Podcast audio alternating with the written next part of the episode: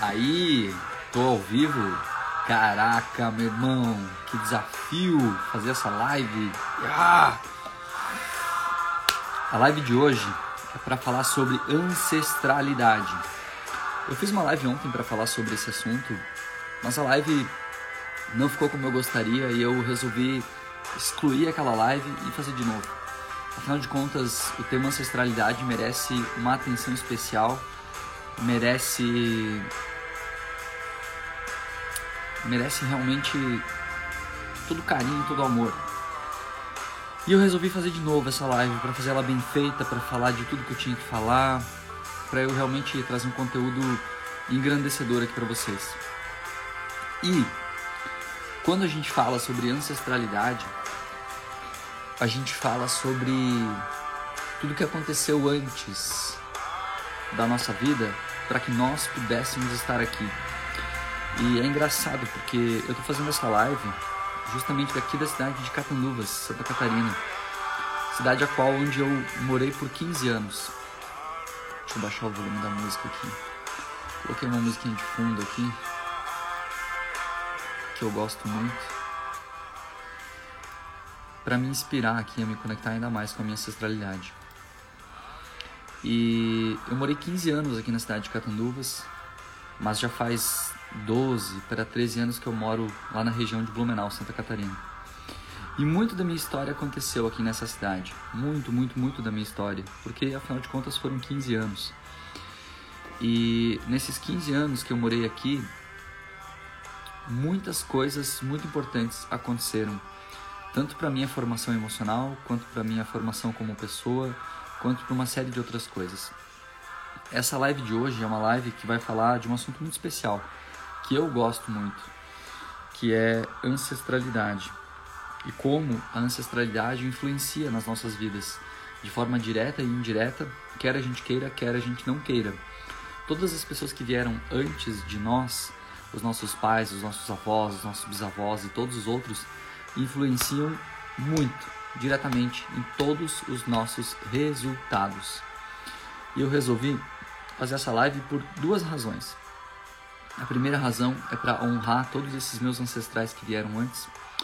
A segunda razão é porque está acontecendo um movimento dentro da minha história, nesse exato momento, muito importante. Eu estou escrevendo algo muito importante da minha história. E eu gostaria de vir aqui e trazer isso à tona, vir aqui expressar isso com todo o meu coração, porque eu acredito muito fortemente que todo o desenvolvimento humano, de cada ser humano, não depende apenas da sua inteligência emocional, depende também da sua inteligência espiritual. E, além disso, depende de entender não só a sua própria história e não só como a própria pessoa funciona, mas como seus ancestrais funcionavam e a história dos seus ancestrais, porque nós somos o resultado dessas infinitas combinações que foram sendo feitas ao longo de vários e vários anos. Então, eu resolvi fazer essa live de hoje. Engraçado que ontem eu frisei muito a importância do meu pai na minha história, mas eu não falei muito da minha mãe. E hoje, pela manhã, quando eu acordei, logo que eu acordei, eu, eu vou fazer a live de novo, a live de ontem. E vou falar sobre a minha mãe também, porque ela é tão importante quanto o meu pai nessa história toda. E para falar de ancestralidade, é muito mais simples do que parece. Basta a gente olhar para trás, para todas as histórias que vieram antes, e essas histórias fazem o nosso coração se encher de alegria, muitas vezes. E eu vou começar contando algumas histórias para vocês. Histórias que talvez assim como os antigos faziam, ficavam contando histórias para nós, eu vou fazer um pouco disso aqui hoje com vocês. Vou contar algumas histórias. E essas histórias vão se conectando.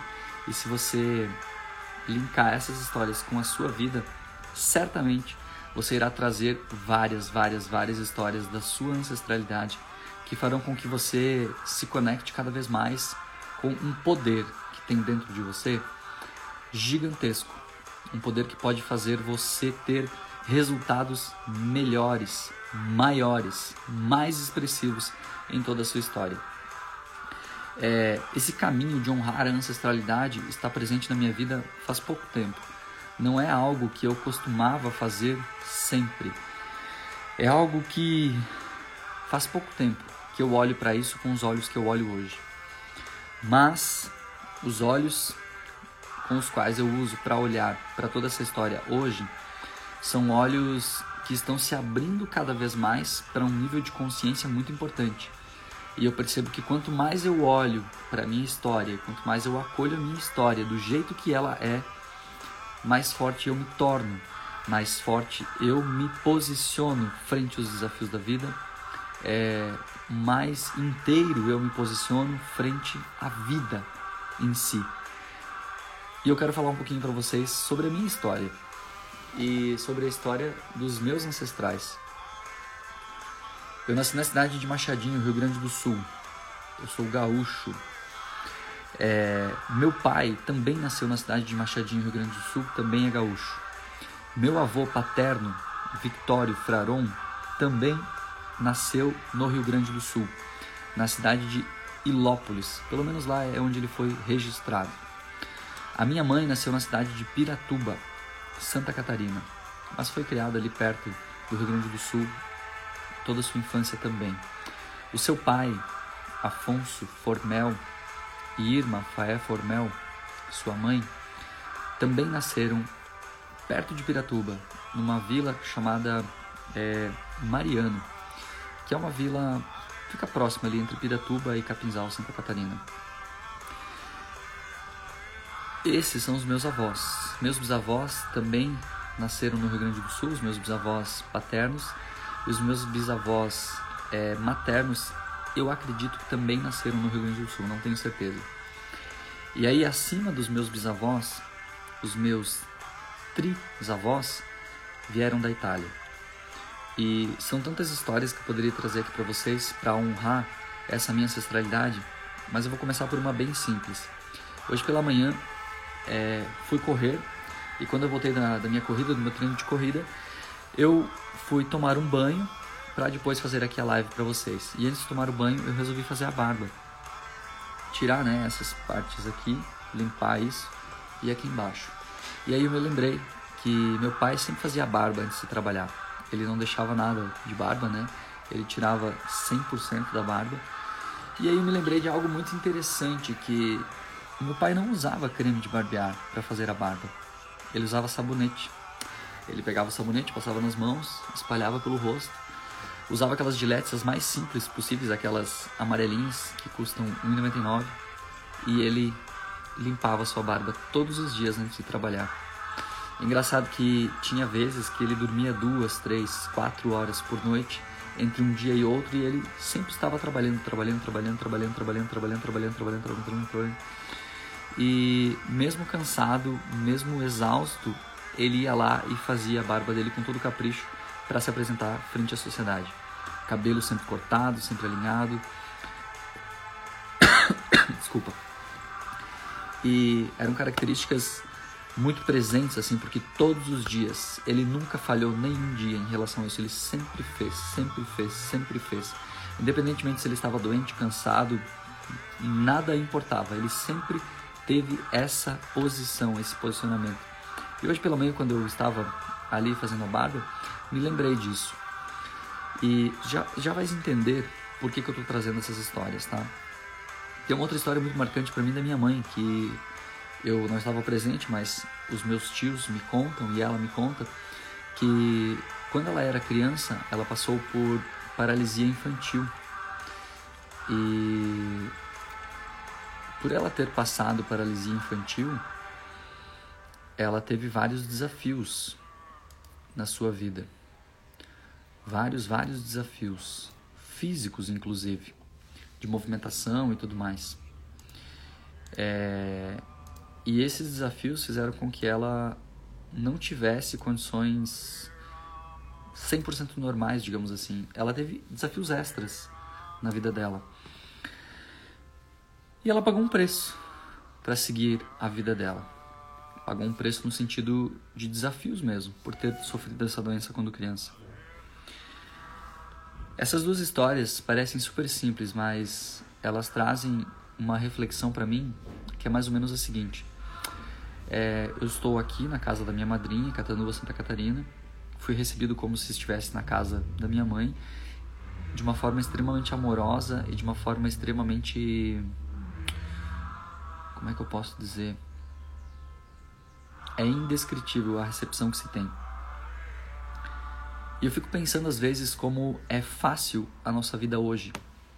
A nossa vida, falo da minha, e arrisco dizer que da de vocês que estão assistindo também. Dependendo aí da geração que vocês são, da idade que vocês têm. E. Por que, que eu tô falando isso? Hoje a minha rotina ela é muito mais tranquila. Eu tenho uma série de compromissos, tenho que gravar os vídeos, atender os meus clientes. Tenho, é, assim, os meus bastidores são trabalhosos, mas apesar de eles serem trabalhosos, apesar do meu bastidor ser extremamente trabalhoso, ele é um bastidor que eu faço de dentro de casa, com o conforto do sofá, com o conforto da cama, com o conforto das cadeiras. Se eu quiser trabalhar o dia inteiro sentado, eu trabalho o dia inteiro sentado. E isso não era uma realidade para os nossos antepassados.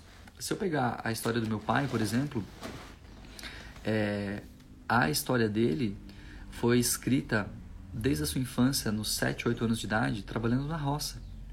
Depois, saindo trabalhando como caminhoneiro, uma vida inteira. É, 20, 30 anos trabalhando como caminhoneiro. E não que não seja. É, é uma profissão como qualquer outra, mas eu digo em relação ao sofrimento que se teve. Se eu voltar um pouco mais para a história dos meus avós, eles dependiam diretamente da agricultura, de uma agricultura extremamente familiar. E eles eram extremamente fortes, extremamente corajosos frente à vida, frente aos desafios da vida. E nós muitas vezes nós esquecemos de tudo que essas pessoas passaram para que nós pudéssemos estar aqui hoje. E é disso que eu estou falando. O preço que custou a nossa vida, o preço que custa a nossa vida hoje, não é apenas esse preço que nós estamos pagando de acordo com aquilo que nós estamos vivendo, teve uma plantação anterior à nossa existência para que nós estivéssemos aqui hoje. Tiveram várias e várias e várias e várias e várias histórias extremamente fortes para que nós estivéssemos aqui hoje.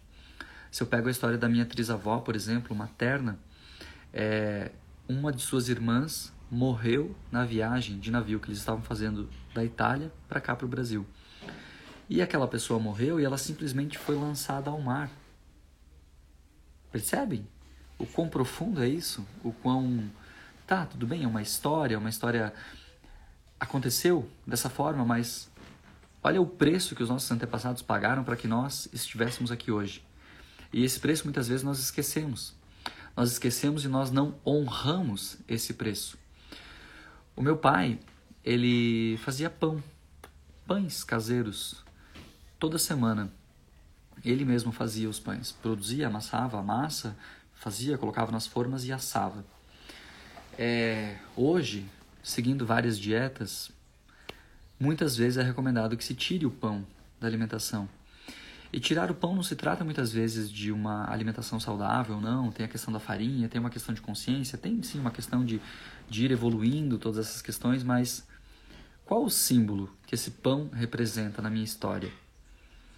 Estou hospedado aqui na casa da minha madrinha e o meu padrinho faz o pão, exatamente como meu pai fazia. E eu me abri a possibilidade, a oportunidade de, tá, tudo bem, vou comer pão, tá fora da minha dieta, tá, e daí? Vou comer. E como é gostoso. Como é gostoso se reconectar a essa história. É como se o pão que eu estivesse comendo hoje de manhã tivesse sido feito pelo meu pai. É como se naquele momento eu estivesse, mais uma vez, rememorando, lembrando de um, uma coisa tão gostosa que ele fazia com tanto amor, com tanto carinho. Era o que ele sabia fazer. Era o melhor que ele sabia fazer. Eu percebo hoje o amor do meu padrinho pelos seus netos, o amor da minha madrinha pelos seus netos, e eles fazem de tudo e mais um pouco para ver as crianças bem. E certamente fizeram pelos seus filhos assim como os meus pais certamente fizeram o melhor que eles podiam ter feito por mim. E fazem ainda hoje, minha mãe é viva. Então, qual o preço disso? Quanto custa esse amor, essa doação desses nossos ancestrais? Minha avó esteve presente até os meus oito anos de idade. Meu avô falando dos maternos, até os meus 12, 13 anos de idade. E cada vez que eu os via, a minha avó, ela inclusive me criou por muito tempo, é, junto com a minha mãe, ela fazia de tudo por mim. Quanto amor eles tinham, apesar de todos os seus sofrimentos, quanto amor eles tinham e quanto amor eles têm sobre nós. E essas histórias muitas vezes a gente acaba não honrando elas da forma como realmente deveria ser. Eu falo isso de um lugar de experiência própria, porque até pouco tempo atrás, vamos colocar aí, bom, hoje eu tenho 28, mas até pouco tempo atrás, talvez com 15, 16 anos, eu não gostava muito de ir na casa dos parentes, principalmente dos que moravam no interior, porque eu não via sentido naquilo. E visitar eles, mas para quê? É, não gostava das comidas, não gostava de ir pro interior, não gostava de me conectar, é, achava que eles eram muito simples, achavam que, sabe, eu tinha várias crenças assim de que é, eu não dava valor para essas pessoas da minha família. E a grande verdade é que eu sou como eles, igualzinho, sem tirar e nem pôr. O meu trabalho é outro, a minha área de conhecimento é outra, mas não vale mais e nem menos do que a deles. Vale tanto quanto a deles. É... E agora, nessa busca pela minha ancestralidade, cada vez mais, quanto mais eu os vejo, mais feliz eu fico, mais fortalecido eu fico, mais completo eu me sinto, mais pertencendo a esse sistema todo eu me sinto. E quanto mais eu consigo me conectar a eles, é, não de forma racional, mas de forma emocional, mais afeto eu sinto mais, mais amor eu sinto. E é interessante porque isso é o que realmente importa. É isso que realmente vale a pena. As irmãs da minha mãe já estão mais velhas e visitei nesse domingo à noite uma das irmãs dela que tem 73 anos. E a alegria que ela me recebeu às 11h30 da noite sem avisar, porque lá nem telefone pega direito, lá no interior. A alegria dela, do seu marido e dos seus filhos em me receber foi uma alegria que não tem preço. Foi uma alegria tão grande simplesmente pelo fato de eu ter passado lá e ter ficado 30, 40 minutos com eles, abraçando, conversando sobre coisas aleatórias. O simples, o simples fato de, de eu ir lá e ver eles de me conectar com eles, de dar risada com eles, de dar um abraço neles, de sentir eles. É como se uma parte de mim fosse ainda mais preenchida. É como se uma parte de mim fosse ainda mais. ficasse ainda mais completa. Porque nós não estamos sozinhos. Nós temos uma história gigantesca por trás de nós de pais, de tios, de primos, de avós, de bisavós, e por aí vai. E essas pessoas fizeram de tudo para que nós estivéssemos aqui hoje. E muitas vezes nós, extremamente conectados a uma correria do dia a dia, extremamente conectados a um, ao nosso trabalho, extremamente conectados a coisas que esse mundo mais acelerado nos, nos puxa, nós esquecemos da importância dessas coisas mais simples, mas que realmente importam. Importam no sentido de levarmos para dentro do coração isso. Nas outras casas também, irmãos do meu pai, antes de chegar nessa casa, eu passei numa outra casa de um, um outro tio meu, que mora, uma outra tia minha, que mora lá perto da casa deles, mas por parte de pai. E eu cheguei na casa deles, era mais ou menos umas 8 horas da noite. E eles estavam comendo polenta frita, queijo salame, carne de porco, é, salada e arroz. E quando eu cheguei, eles ficaram extremamente preocupados eles não tinham, não me esperavam e não tinham preparado uma janta, né, para me receber. E eles me perguntaram: "Você quer comer com a gente?" Eu falei: "Sim, eu quero. Eu vou aproveitar e vou jantar." E eu me sentei e eu comi exatamente o que eles comeram. E meu pai fazia direto polenta. Exatamente essa combinação aí que eu falei. É, e quantas vezes eu não quis comer porque eu não, não, não gostava daquilo. E hoje, cada vez que eu como polenta, cada vez que eu como essas coisas, é, eu me lembro de uma forma tão amorosa, dá uma saudade tão gostosa de lembrar dos momentos que eu tive com meu pai, com a minha mãe, com os meus avós. E essas coisas, muitas vezes, quando a gente tem a oportunidade de viver, a gente não dá valor. mas depois o tempo vai passando, as pessoas vão morrendo e a gente vai sentindo uma profunda saudade de todas essas coisas tão importantes para nós. E eu quero que através dessas histórias talvez você possa se tocar, se comover e entender que existe uma fortaleza muito grande por trás de você, por trás da sua história, por trás de tudo que você vive hoje, por trás de tudo o que se apresenta para a sua vida hoje. Existem muitos mistérios que a constelação sistêmica ela revela para nós e nos traz entendimento científico realmente de de coisas que acontecem na nossa vida, nas nossas vidas que muitas vezes são mistérios inexplicáveis, como doenças, como é, falta de prosperidade, como falta de força para si, para a vida, é, como falta de, de conexão com Deus, muitas vezes. E quando a gente para para olhar para as histórias das pessoas que fazem parte do nosso círculo familiar e a gente começa a perceber que essas pessoas vivem ou viveram histórias muito parecidas com as quais nós enfrentamos muitas vezes como desafios em nossas vidas, a gente para para perceber que tudo está extremamente conectado. E muitas vezes uma doença, um desafio que uma pessoa passa é justamente uma cura que o sistema familiar daquela pessoa precisa. E quando um se cura, todos se curam. E quando um adoece, todos adoecem. Nós estamos extremamente conectados, desde pessoas mais próximas até pessoas mais distantes da nossa ancestralidade, da nossa família e até mesmo de pessoas que não têm conexão com a gente é, num primeiro olhar menos profundo. Então, o que eu quero dizer para vocês com tudo isso? Essa busca pela ancestralidade, tanto masculina quanto feminina, ela pode ser extremamente rica para cada um de nós, para que a gente possa cada vez mais enxergar o poder que existe dentro de nós como uma fortaleza para nós irmos para a vida, independentemente das nossas escolhas, com muito mais amor, com muito mais carinho, com muito mais facilidade. Eu trouxe três símbolos para usar aqui na live de hoje. Um deles é essa camisa do Guerreiros do Coração. O outro símbolo é essa letra A, que foi tirada lá do cemitério, onde meu pai está enterrado. E o outro símbolo é esta chave. Desde que eu estudei constelação sistêmica, desde que eu comecei a fazer constelação sistêmica familiar, desde que eu comecei a olhar para o mundo da inteligência emocional e da inteligência espiritual, desde esses movimentos que começaram a acontecer e de acontecimentos mais sérios que aconteceram na minha vida, como a morte do meu pai, por exemplo, seis anos atrás, meio que por forças da própria natureza, eu comecei a olhar mais para minha ancestralidade, para o meu pai, para minha mãe, para os meus avós e para todos os outros de uma forma mais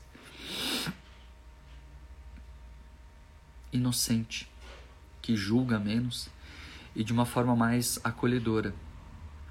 Ao invés de eu julgar sem conhecer a história, passar a conhecer a história e honrar essa história com todo o meu amor porque essa história de todos eles que vieram antes de mim me fortalece de uma forma incalculável, extremamente forte, para eu fazer o que eu faço hoje. E ter a bênção desses ancestrais, começando pela minha mãe, pelo meu pai, é um alívio que traz paz para o meu coração e traz harmonia para minha alma.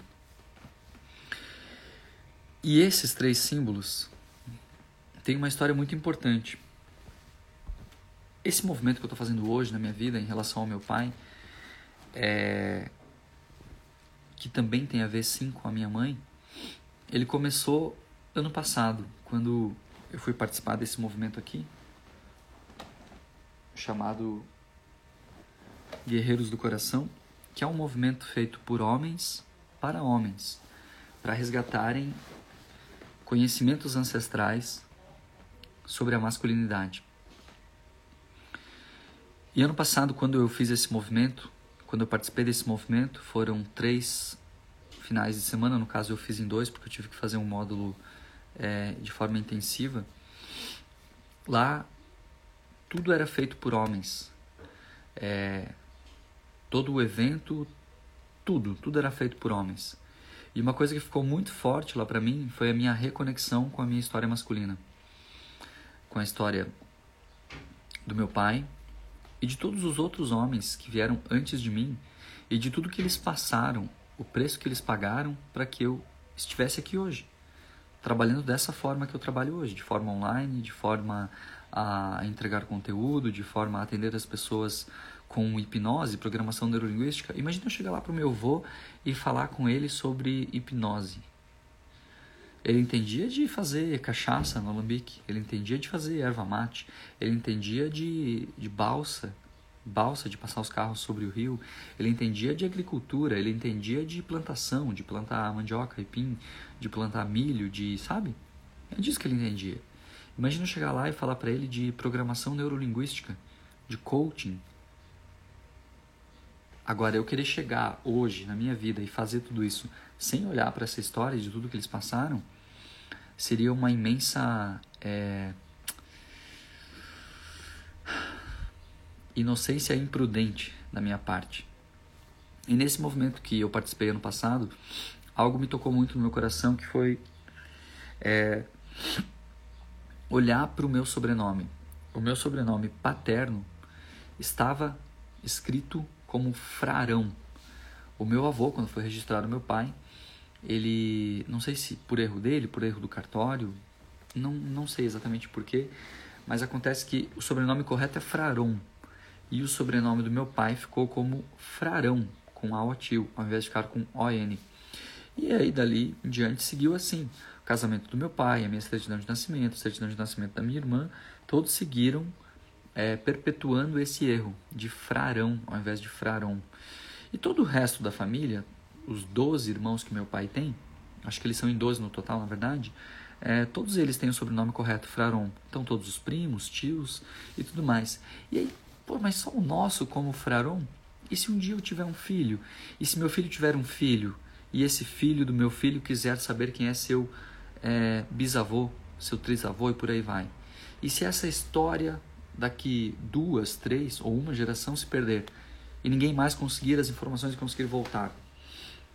E eu senti no coração que eu deveria fazer essa mudança. Eu senti no coração que eu deveria fazer essa correção. E aí eu comecei esse trabalho de buscar essas informações para saber como que era feito isso, como que pode ser corrigido um sobrenome. E aí cheguei aos caminhos, né? Fui até o cartório lá de Machadinho, Rio Grande do Sul, que é onde meu pai foi registrado. Fiz todos os trâmites, todas as solicitações. As meninas lá me atenderam super bem. E eu consegui fazer a correção do meu sobrenome, do sobrenome do meu pai e do sobrenome de casamento da, é, do meu pai e da minha mãe. Fizeram retificação da certidão de nascimento do meu pai, então ao invés de Celso Frarão, passou a constar como Celso Frarum, que é o correto. No casamento do meu pai, Celso Frarão passou a constar Celso Frarum e da minha mãe, Marilene Formel Frarão, passou a constar Marilene Formel Frarum, que é o correto. E o meu também. Já está corrigido, minha certidão de nascimento. Claro, agora eu tenho que é, corrigir todos os outros documentos, mas já está também como Daniel Fraron. E que símbolo representa isso? Será que é só um detalhe? Ou o que isso realmente representa? Para mim, isso representa muito.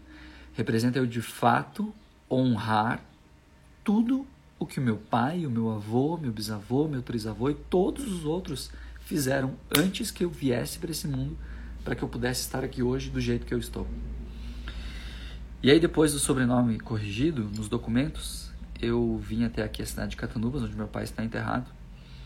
E na quarta-feira de manhã, eu fui lá no cemitério e arranquei a letra A do sobrenome dele. Arranquei o tio também. Peguei a letra O, trouxe ela para o lado e fixei uma letra N lá também. E foi corrigido ali no cemitério. Então, agora o nome dele está corrigido. Está Celso Fraron. E essa correção que eu fiz apesar de parecer apenas simbólica, ela também fez uma movimentação gigantesca de energia, de energia ancestral, de energia sistêmica. É como se uma cura começasse a partir de mim e reverberasse lá para os meus avós, lá para o meu pai e para todos os outros que vieram antes. E uma cura que está reverberando a partir de hoje para todos os outros que, para todos os outros que também estão por vir. E não faria sentido eu não fazer com as minhas próprias mãos. Então eu mesmo fui lá no cemitério, soltei a placa de mármore com essa chave, tirei ela, Fiz a correção das letras, deixei aquela placa de mármore secando lá de um dia para o outro. No dia seguinte eu e meu padrinho fomos lá e em dois nós recolocamos a placa de mármore e fixamos lá com essa chave.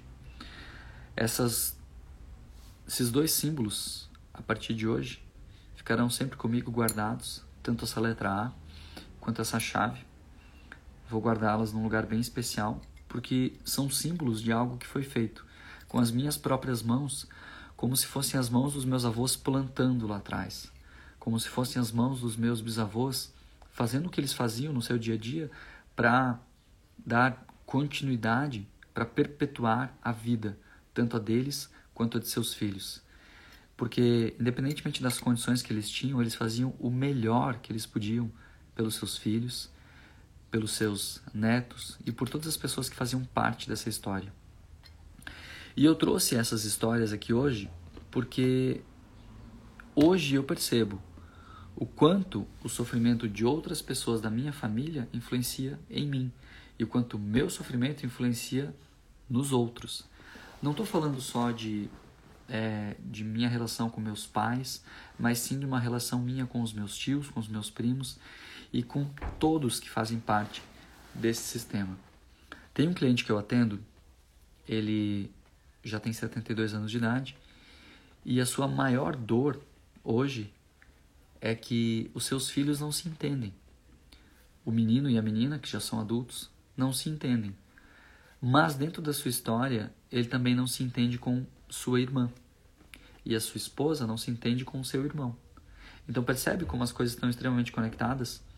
É, o fato de eles terem problemas relacionais com seus irmãos vibra nessa constelação aqui nessa outra geração deles, nos filhos. E tanto os filhos podem gerar essa cura para que ela suba, tanto os pais podem gerar essa cura para que ela desça. Se os filhos se entenderem, muito provavelmente os pais se entenderão com seus irmãos. Se os pais se entenderem com seus irmãos, muito provavelmente seus filhos se entenderão entre si. É, quando a gente fala de constelação sistêmica familiar ou constelação sistêmica, a gente está falando de um sistema extremamente conectado. Pessoas fazem parte do nosso sistema familiar. E quando uma pessoa está doente, todo o sistema está doente. Quando uma pessoa se cura, todos se curam. É, teve outro fato interessante que aconteceu. Quando meu pai estava internado no hospital, nós nos reunimos, a família paterna se reuniu lá na casa do irmão do meu pai, o Edson, e nós estávamos em um determinado momento fazendo uma oração pelo meu pai. Na verdade, o meu primo Vinícius, ele tomou a iniciativa e disse: "Vamos dar as mãos e fazer uma oração pelo meu pai?" E naquele momento ele sugeriu que nós fizéssemos uma oração para o Espírito Santo.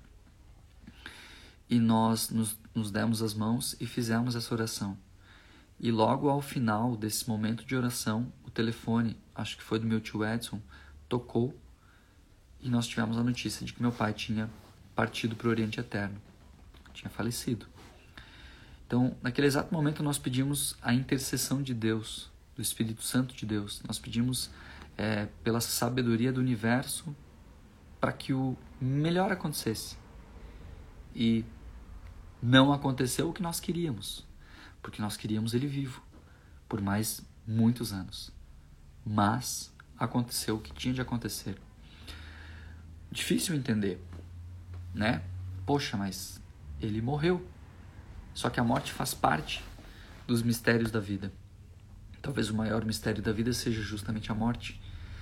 E naquele momento, o meu corpo reagiu. Eu tive diarreia naquele momento.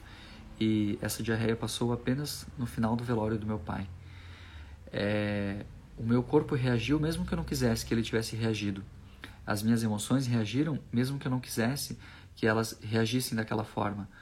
É, o meu espírito reagiu, a minha alma reagiu, porque algo do meu sistema estava acontecendo, algo extremamente importante.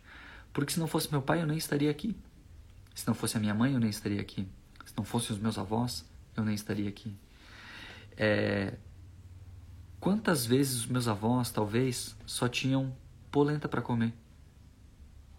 E eu hoje, quando se tem polenta, hoje eu me alegro, eu como. Mas nem sempre foi assim. E muitas vezes a gente fica né, extremamente conectado a uma dieta, extremamente conectado a um resultado, extremamente conectado a um. Fui fazer minha corrida de manhã, era uma corrida de teste de morro, e cara, eu comi pão hoje de manhã.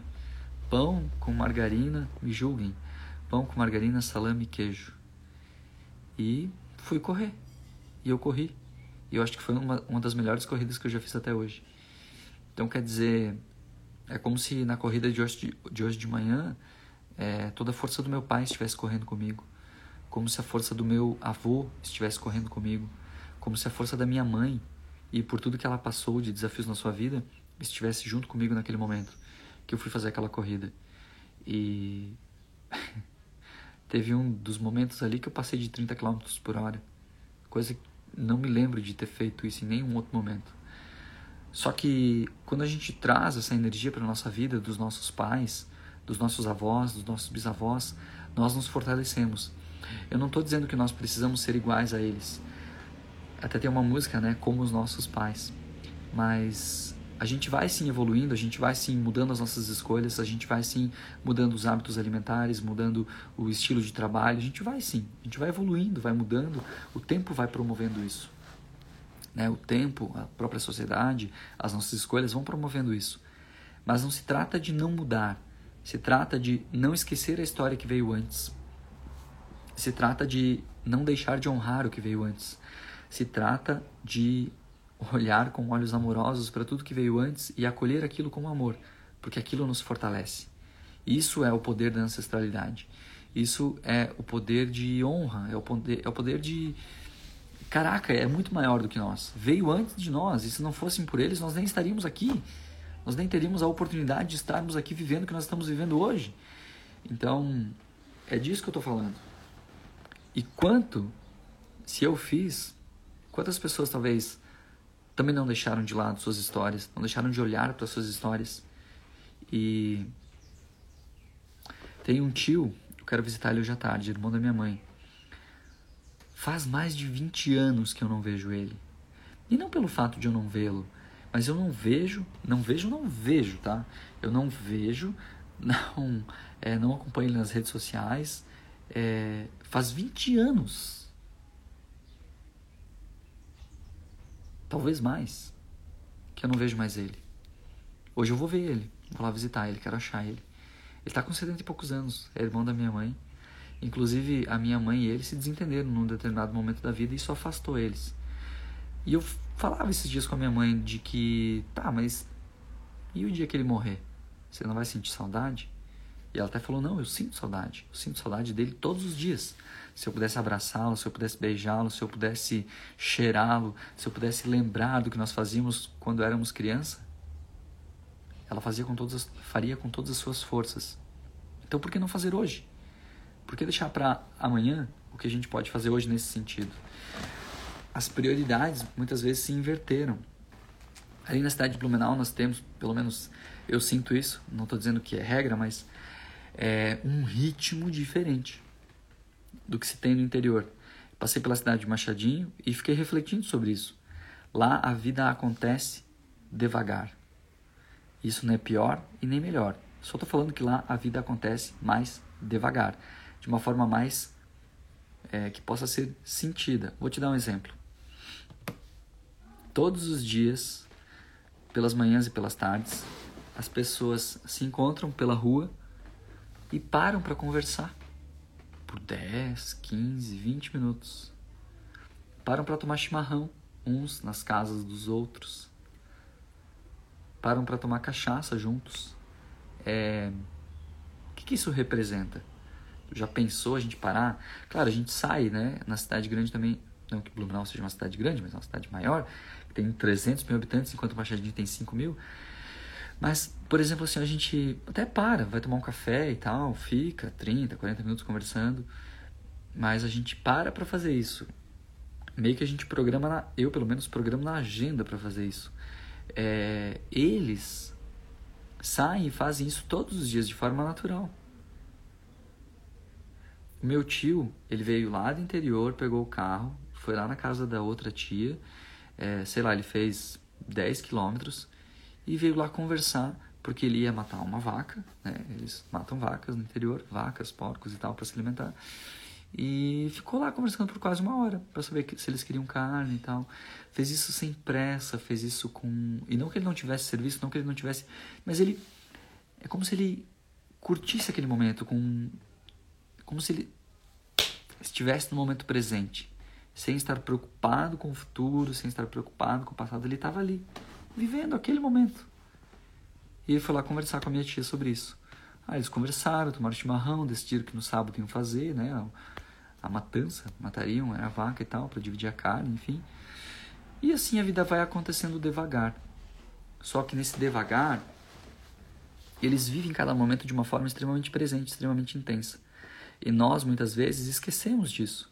E estamos extremamente conectados a uma correria gigantesca. A gente tem prazo para cumprir, a gente tem meta para entregar, a gente tem meta para bater, tem venda para fazer, tem uma loucura.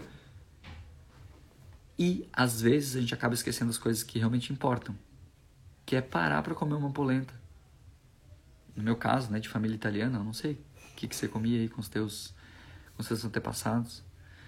Parar para lembrar que, sabe, das coisas simples da vida. Muitas vezes olhar para a ancestralidade é isso. Olhar com amor para a história de tudo que veio antes e usar isso a nosso favor para seguir para a vida de uma forma mais conectada com o momento presente, mais conectada com o que realmente pode ser feito de melhor, para que a gente entregue algo grandioso. E ser grande muitas vezes é ser simples, é ser amoroso uns com os outros. Abraçar quando se pode abraçar, beijar quando se pode beijar, aproveitar enquanto se está em vida, porque depois que se vai, só resta saudade. Hoje, me restam símbolos que aguçam a minha lembrança.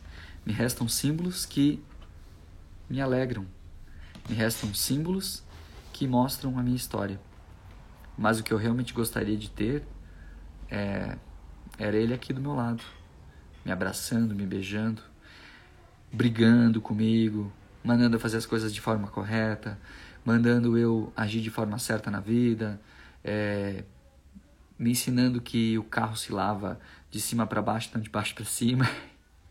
quando, eu, quando eu era mais jovem, assim, o primeiro carro foi meu pai que me deu de presente. E aí eu lembro até hoje que eu fui lavar o carro. E eu comecei lavando o carro por baixo, pelas rodas. Aí ele chegou para mim, tá, Pia, lava de cima para baixo, né? Senão sujeira vai escorrer.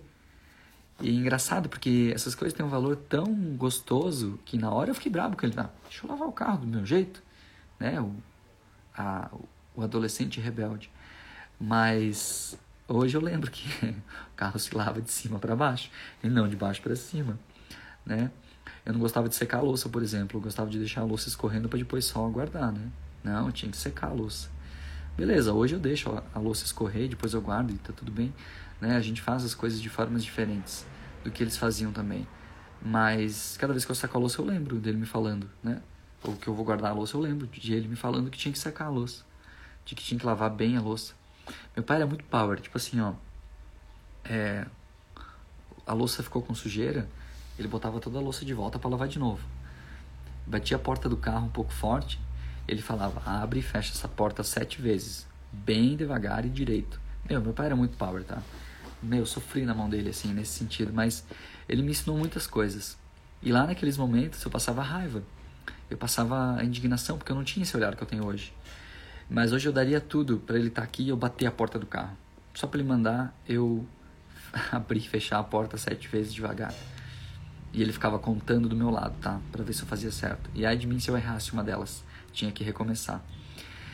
E sabe, são tantas histórias, mas tantas histórias a minha mãe, por exemplo, Lembro até hoje que quando eu era criança, teve um dia que eu fui me apresentar na escola aqui na cidade de Catanduvas, Agostinho Marcon, dançarino, né? Fui apresentar uma, uma dança de criança e eu, bem feliz da vida antes da dança começar, caí numa uma poça de lama, sei lá, lá na escola e me sujei inteiro. E a, a minha mãe foi falar com a professora e tal, olha, não vai poder se apresentar, tá todo sujo e tal. E a professora disse assim para minha mãe, não, mas tem, sei lá quantas, duas, três danças entre a dança dele e essa que tá acontecendo agora, então dá tempo de ir para casa se trocar. Minha mãe foi para casa, me levou para casa, tirei toda a roupa, ela lavou a roupa, secou a roupa, sei lá como é que ela fez isso tão rápido. E percebe assim, ó, aí me botou a roupa de novo para eu voltar lá para fazer a apresentação. Eu era criança isso, festa junina, mas cara, olha o que eles fazem por nós, os nossos pais. Claro, a gente não concorda com tudo que eles fazem, da forma que eles pensam, com, né? A gente não concorda com tudo, não somos obrigados a concordar com tudo, mas cara, que gesto de amor.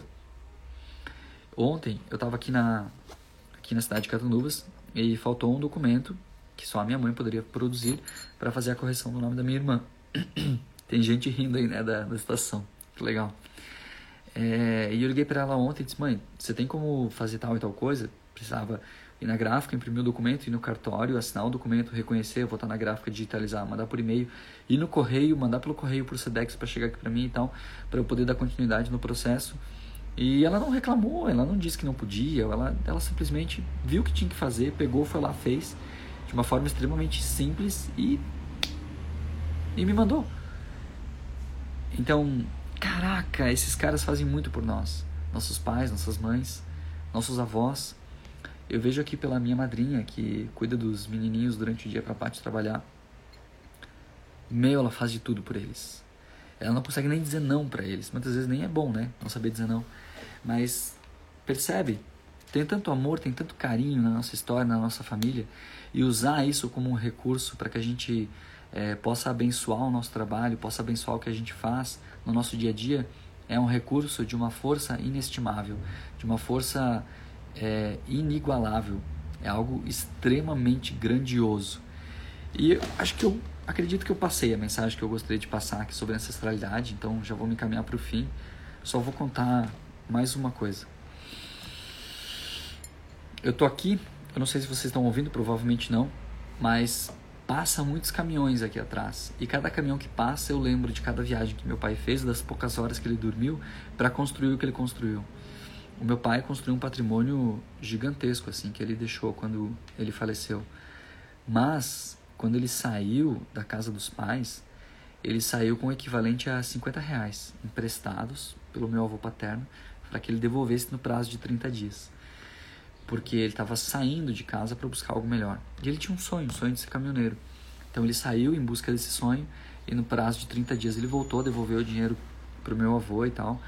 E meu pai construiu tudo do absoluto zero. E ele construiu um patrimônio gigantesco que ele deixou, né, e tal. Mas quantas noites mal dormidas ele teve para colocar comida na mesa? Quantas viagens ele teve que fazer de caminhão para pagar as contas, trazer comida? É, quanta coisa ele teve que viver na sua vida pensando no outro, na minha mãe, na minha irmã, em mim. E para que muitas vezes eu pudesse ficar brabo com ele porque ele tinha feito polenta para comer. E hoje eu daria tudo para comer uma polenta com ele. Power, né? Enfim, fica como reflexão aí para vocês. E quanto mais vocês puderem trazer esse poder, esse amor da ancestralidade para a vida de vocês, mais vocês estarão conectados com o momento presente, com aquilo que realmente importa, e mais vocês realmente se sentirão extremamente conectados com o próprio sentido da vida. Muitas doenças surgem muitas vezes porque a gente não para para olhar para o que está acontecendo ao nosso redor. Enfim, poderia ficar mais horas aqui falando sobre essa questão que eu levantei aqui agora, mas é, quantas coisas que acontecem nas nossas vidas que a gente acha que tem a ver com a gente, mas tem a ver com tudo que a gente está ignorando ao nosso redor, tudo que a gente está deixando de olhar da nossa própria história. Eu vou encerrar essa live por aqui e num outro momento eu volto para falar desse assunto, para falar mais sobre ancestralidade, para trazer meditações, para trazer mais conteúdo aqui para vocês. Mas hoje esse era o objetivo. Era um movimento de honra ao meu pai, um movimento de honra à minha mãe, um movimento de honra a esses símbolos que estão acontecendo na minha história e também para inspirar vocês para olharem para essa história dos seus ancestrais, porque estamos todos conectados. E quando um sofre, todos sofrem. Quando um se cura, todos se curam. Ok? Encerrando a nossa live por aqui. Um grande beijo no seu coração. Espero que você tenha gostado dessa live e logo a gente volta com mais e mais conteúdos sobre desenvolvimento pessoal. Um grande beijo e tchau!